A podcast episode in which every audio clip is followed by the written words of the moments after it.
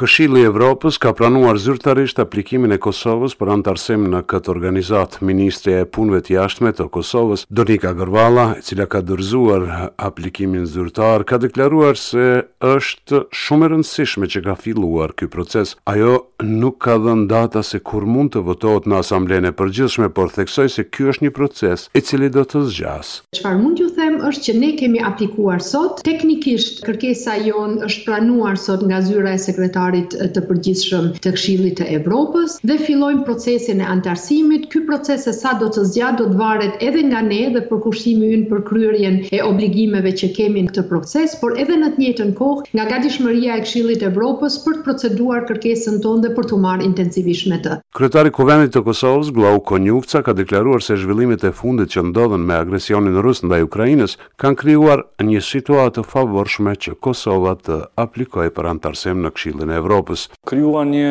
situatë ma e favorshme se ç'ka qenë ma përpara për shtetin e Kosovës që të aplikonte. Mua më kujtohet kjo ka qenë përpjekje edhe e qeverive të kaluara, por më kujtohet që në atë kohë sa ishim ne, ka pas qenë disponimi goxha negativ për Kosovën edhe për të drejtën për me apliku atje.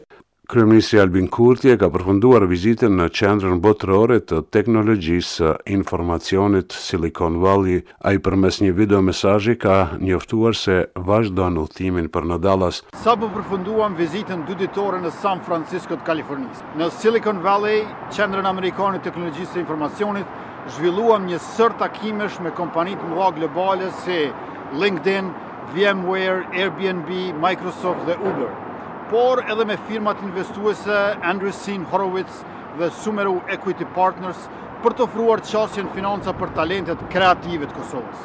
Jemi takuar edhe me qendra të inovacionit teknologjik dhe social, si dhe me profesionistë të teknologjisë së informacionit dhe inovacionit në kuadër të dialogut me mërgatën, e të cilët punojnë në Oracle, Facebook, Amazon, Apple, Netflix dhe shumë e shumë të tjera. Qëllimi kryesor i vizitës sonë në shtetin e Kalifornisë ka pasur për fokus vendosjen e Kosovës në hartën botërore të investimeve në sektorin e teknologjisë së informacionit. Kompanitë me të cilat u takuam i kemi njoftuar për progresin ekonomik, teknologjik dhe demokratik në Kosovë, për planet e qeverisë sonë në të ardhmen dhe për mundësitë e pasura për investim në vendin tonë. Nga këtu fluturojmë për Dallas në Texas.